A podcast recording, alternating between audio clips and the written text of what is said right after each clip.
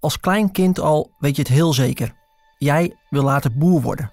En dat lukt nog ook. Je leeft je eigen droom. Totdat een hele serie branden die droom vernietigt. Honderden runderen sterven, van jouw gedroomde bedrijf blijft helemaal niks over. En tot overmaat van ramp denken steeds meer mensen dat jij de branden hebt gesticht.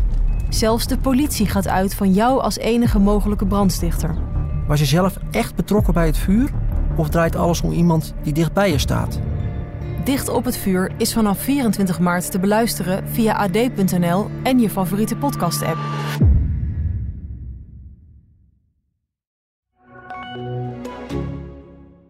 Ik ben er ook niet van overtuigd dat iedereen zo enorm onschuldig is en dat er echt niks is gebeurd. Dus of ik word enorm in de maling genomen door de ene partij, of misschien door de andere partij. Uh, maar ik heb geleerd, dat zei ik u net ook al, bij twijfel niet oversteek. Als een zwangere vrouw afgetuigd het politiebureau in komt lopen, hoe hard moet het bewijs dan zijn om iemand daarvoor te kunnen opsluiten? En als de officier van justitie vervolgens een dossier vol verschillende verhalen voor haar krijgt, waar kan ze dan nog op vertrouwen? Mijn naam is Emma en je luistert naar De Zaak X. Een podcast van het AD in samenwerking met het Podcastkantoor, waarin we wekelijks een spraakmakende rechtszaak bespreken. Met deze week de mishandeling van de zwangere vrouw.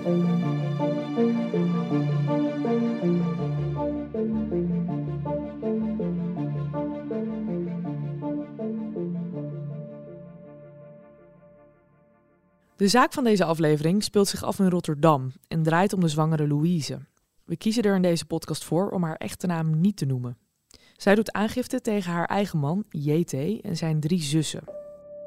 Haar schoonfamilie zou haar namelijk flink hebben afgetuigd omdat ze haar hebben betrapt met haar minnaar. De zaak begint te rollen wanneer Louise zich op een ochtend bont en blauw meldt op het politiebureau. Er komt een zwangere vrouw het politiebureau binnengelopen en die zegt tegen agenten: Ik ben in elkaar geslagen, ik ben afgeranseld door mijn man en mijn drie schoonzusjes. Je hoort de stem van Niels Dekker, hij is rechtbankverslaggever bij AD de Dortenaar en volgt deze zaak. En agenten zien bij haar ook daadwerkelijk heel veel, heel veel blauwe plekken. Dus dat iemand is toegetakeld, dat staat vast. Vanaf daar begint de speurtocht. Wie heeft dat gedaan? Het is zo'n opmerkelijke, bijzondere zaak met, uh, nou ja goed, je, je kunt er uh, een, uh, een, spelletje van maken. Cluedo of wie is het? de bedrogen man, de zwangere vrouw, de minnaar, de zussen, de zwager of de schoonvader. Wie ben ik?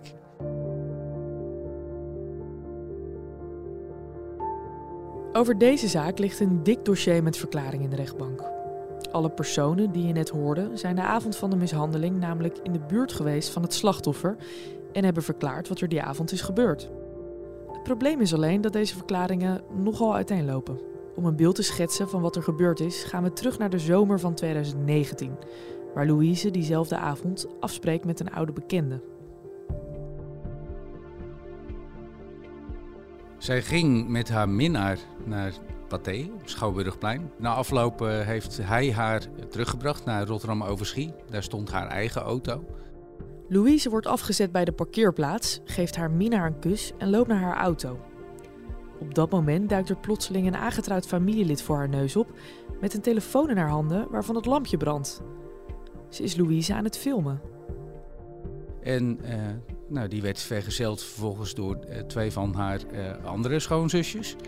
Um, en op dat moment zouden ze rond haar auto zijn gaan staan, haar aan de haren uit de auto hebben getrokken, hebben gestompt en geslagen en geschopt. Waarna volgens de zwangere vrouw ook haar man, met wie ze pas enkele maanden was getrouwd, ook ten tonele zou zijn verschenen en ook even een duit in het zakje zou hebben gedaan.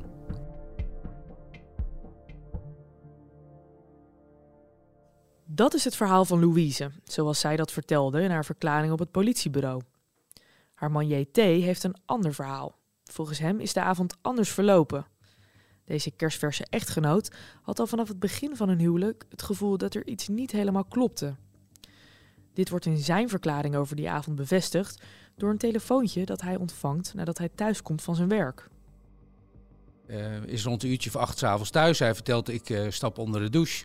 Uh, en nou, rustig aan. En ik word op een gegeven moment, dat zal rond een uur of half elf zijn geweest. S'avonds wordt hij gebeld door een van zijn zussen.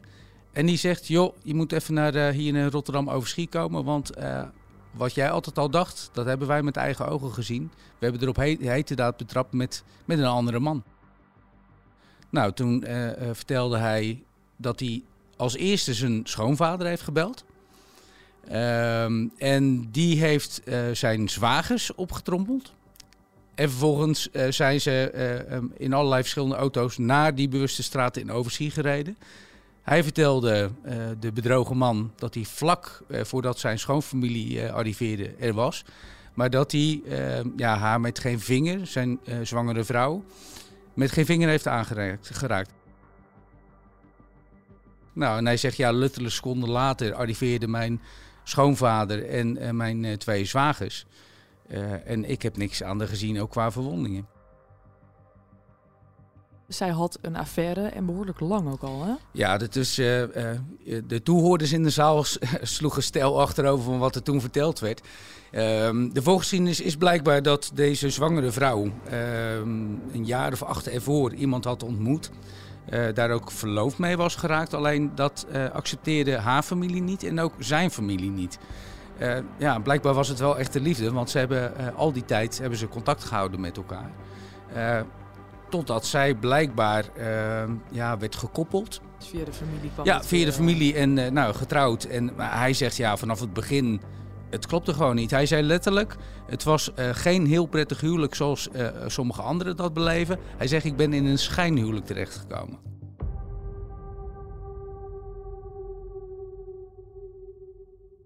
Feit is dat al deze hoofdpersonen die we hebben uh, genoemd, dus laten we ze even opsommen. Dat zijn de bedrogen man, de zwangere vrouw, de minnaar, de drie zussen, de twee zwagers en de schoonvader. Ze zijn allemaal daar geweest in Overschie. Wie heeft nou wat gedaan? Uh, het feit is ook, hij heeft gebeld, hij heeft zijn schoonfamilie opgetrommeld. Alleen is hij daar eerder geweest dan zij en hebben die zussen uh, haar mishandeld. Dat weten we eigenlijk niet, want uh, het saillante was dat haar twee broers van de zwangere vrouw in eerste instantie bij de politie hebben verklaard. Toen wij daar kwamen hebben we bij haar geen verwondingen gezien. En ook de zussen en haar bedrogen man, die zeggen, we hebben haar met geen vinger aangeraakt. We hebben haar achtergelaten zonder verwondingen. Ja, feit is wel dat de uh, zwangere vrouw, het slachtoffer, het politiebureau is binnengekomen, uh, bont en blauw geslagen. Dat ze is mishandeld, dat staat vast. Uh, dat heeft ook een arts heeft vastgesteld in het ziekenhuis, dat er verwondingen waren. blauwe plekken vooral, maar ja, wie heeft de tikken uitgedeeld? Al deze verschillende verklaringen zorgen ervoor dat de rechter een lastig dossier onder ogen krijgt. In de rechtbank legt de officier dan ook uit dat zaken rondom openlijke geweldpleging erg lastig zijn om te behandelen, omdat ze vaak veel verklaringen en geen hard bewijs bevatten. Dit dossier is er zo eentje met alleen maar verklaringen. Verklaringen die ook later nog wisselen. Uh, verklaringen met heel veel verklaringen van één kant, verklaringen van de andere kant. Een paar die daar een soort van tussenin zitten. Allemaal verklaringen en in al die verklaringen, in allemaal, dus niet alleen in die van een aangeefster of die van haar vader of van haar broers, maar ook in de verklaringen van de verdachte, van de getuigen. In alle verklaringen zitten wel elementen die of niet kloppen, onduidelijk zijn, opvallend zijn, door iemand anders worden weersproken. Uh, uh, dat is eigenlijk in alle verklaringen zo. Maar zij zei, ja, ik kan gewoon, ergens loopt iemand te liegen, maar ik kan dus niet vaststellen door wie er wordt gelogen. En ik kan niet uitsluiten dat het verhaal dat haar bedrogen man en diens drie zussen vertellen, dat dat uh, gelogen is en dat dat niet waar is.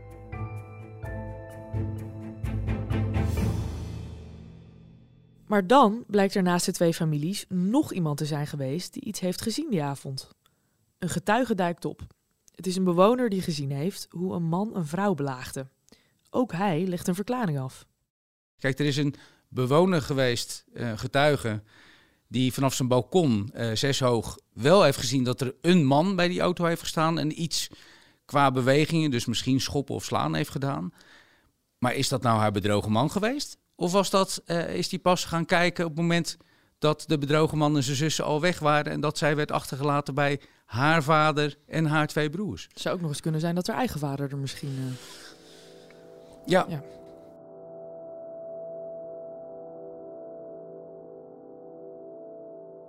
De verklaring van de getuige uit de flat geeft dus geen duidelijkheid. Hebben haar schoonzusjes Louise dan toch te grazen genomen? Is het haar man geweest die haar ter plekke mishandelde? Of zou haar eigen vader haar die avond wat hebben aangedaan? Ook dat laatste scenario wordt overwogen in de rechtbank. Maar dat vindt de officier van justitie lastig te plaatsen. Want wat zou kunnen, dat zij, hè, dat wordt ook hier als duidelijk alternatief scenario eigenlijk naar voren gebracht en ook eerder al. Als zij door haar eigen familie is mishandeld, hè, later, waarom zou ze dat dan schuiven op de familie van haar inmiddels ex-man en die zussen? Uh, op verzoek van die familie dan, om dat, om dat dan weg te poetsen. Terwijl als je dan geslagen bent door je familie, dan kan je ook gewoon niet naar de politie gaan. Dus hoef je ook niks weg te poetsen. Ik, dus ik vind het lastig om te plaatsen waarom zij daar dan over zou liegen. Dan gaan we even naar het, het slachtoffer Niels, de zwangere dame dus. Was zij zelf aanwezig in de rechtbank? Nee.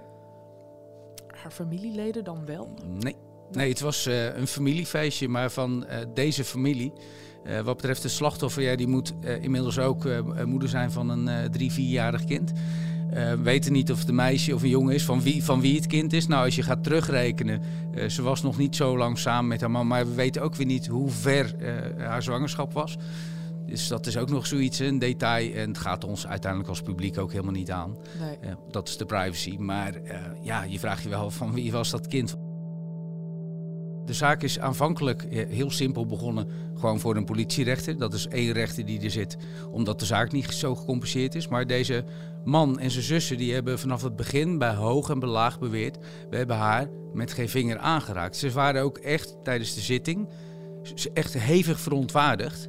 Uh, en emotioneel. Er kwamen ook tranen over de impact die dit op hun levens heeft gehad. Uh, en dat kwam, voor zover je dat als buitenstaander kunt beoordelen, dat kwam geloofwaardig over. Dat kwam oprecht over. De verontwaardiging uh, was met name dat ze na de arrestatie, na de aangifte van haar, zeven dagen in de cel hebben gezeten. Maar vooral dat ze het idee hebben gehad dat zodra zij werden opgeroepen om naar het politiebureau te komen en werden gearresteerd, dat ze zeiden op het moment dat we binnenkwamen lopen, hebben we ervaren dat we door de politie als schuldig werden gezien. Wat voor impact heeft het dan gehad op deze familie? Nou, de bedrogen man uh, die zei dat het zelfs zo erg is uh, dat hij uit Rotterdam, terwijl Rotterdam zijn allesie is, uh, dat hij uit Rotterdam is vertrokken, dat hij is verhuisd. Hij zei letterlijk, ik citeer, ik heb zeven dagen in een hel gezeten. Ik ben in mijn eigen stad van mijn vrijheid beroofd.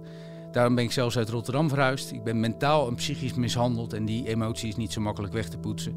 We waren voor de politie schuldig voor er iets bewezen was. Er is nergens doorgevraagd waar ze dat hadden moeten doen. Uh, en tot slot zei hij, ik kan er een roman over schrijven en ik weet zeker dat het een bestseller wordt. Hebben die zussen dan nog iets gezegd tijdens de rechtszaak? Het citaat wat bij mij bleef hangen uh, was, we zijn als honden behandeld. Louise en haar kind, dat ondertussen een paar jaar oud moet zijn, waren niet bij de zitting in de rechtbank aanwezig. We weten dus ook niet hoe het nu met haar gaat. Wel zijn zij en JT uit elkaar. JT en zijn drie zussen moeten de uitspraak van de rechter afwachten, die het ook maar met het lastige dossier en de eis van het OM zal moeten doen. Ja, het, is, het valt niet, uh, het valt simpelweg, zei het OM ook, niet uh, uh, duidelijk te maken, 100% zekerheid, wie dit nou heeft gedaan. Dus of ik word enorm in de maling genomen door de ene partij, of misschien door de andere partij. maar ik heb geleerd, dat zei ik u net ook al, bij twijfel niet oversteken. Dus er is iets gebeurd. Ik weet niet zo goed wie het heeft gedaan. Ik, wil, ben er ook niet van overtuigd dat iedereen zo enorm onschuldig is en dat er echt niks is gebeurd.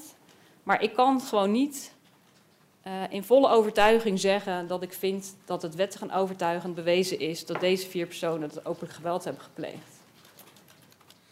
Um, en dan is het uh, pijnlijk dat er pas na 3,5 jaar in ieder geval die conclusie van mij komt. Maar goed, dat is mijn conclusie. Het is uw bank die daar nog uh, een oordeel over moet geven.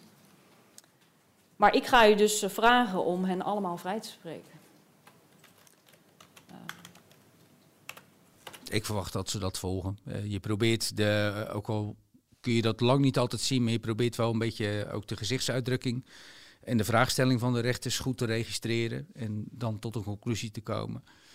Eh, maar er was ook echt wel oog voor de emotie van, van mensen. Dus ja, ik denk alles bij elkaar is altijd gevaarlijk, juist omdat je niet de rechter bent. Maar dat ze de eis van het OM om vrijspraak wel gaan volgen. De rechtbank, zou je denken bij zoiets, die hebben urenlang zitten luisteren naar iedereen. Uh, zou je denken, nou, die kunnen misschien deze mensen, de verdachten, dan uit hun lijden verlossen als ze dat gevoel ook hebben. Tegelijkertijd is het met zoveel hoofdpersonen die we hebben opgezomd zo lastig dat ze daar gewoon twee weken de tijd voor, uh, voor nemen. En dan horen deze man en zijn drie zussen wat de uitkomst is. Je ziet de aanklacht, uh, opvallend, uh, drie zussen en, en hun broer in de rechtszaal. Je ziet een zwangere vrouw mishandeld. Dat is de informatie waarmee je naar binnen gaat. En je stapt naar buiten met, met uh, ja, de hele familiegeschiedenis eigenlijk die je voorbij hoort komen. En vooral dat je denkt, slotsom, ja, je kunt het zo gek niet verzinnen of het gebeurt in de rechtbank. We gaan het horen, dankjewel Niels.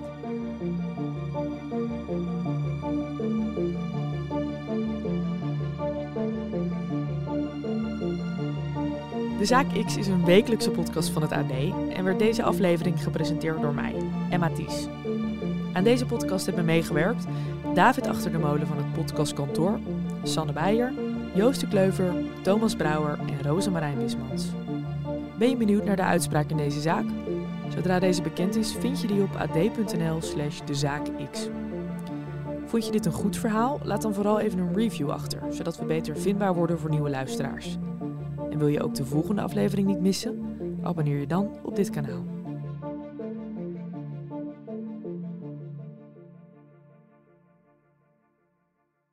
Hoi, ik ben Joost Twinkels, radio-dj bij Q Music. Dit is mijn vader Piet. Lieve Joost, je staat nou recht tegenover mij. En ik praat nou op twee manieren tegen jou. Als je dit bandje luistert, dan weet je niet meer dat je hier gestaan hebt. Dit jaar is hij precies 20 jaar dood. En ondanks dat ik me weinig van hem kan herinneren, mis ik hem. Speciaal voor mijn broer Koen en mij liet hij brieven en audio-opnames na... die ik in deze podcast induik om niet alleen hem, maar ook mezelf beter te leren kennen. Ik heb geprobeerd om jullie te vertellen dat liefde het allerbelangrijkste is. Hou van elkaar en van de wereld om je heen. Dan komt alles goed. Liefs Papa Piet luister je nu in je favoriete podcast-app.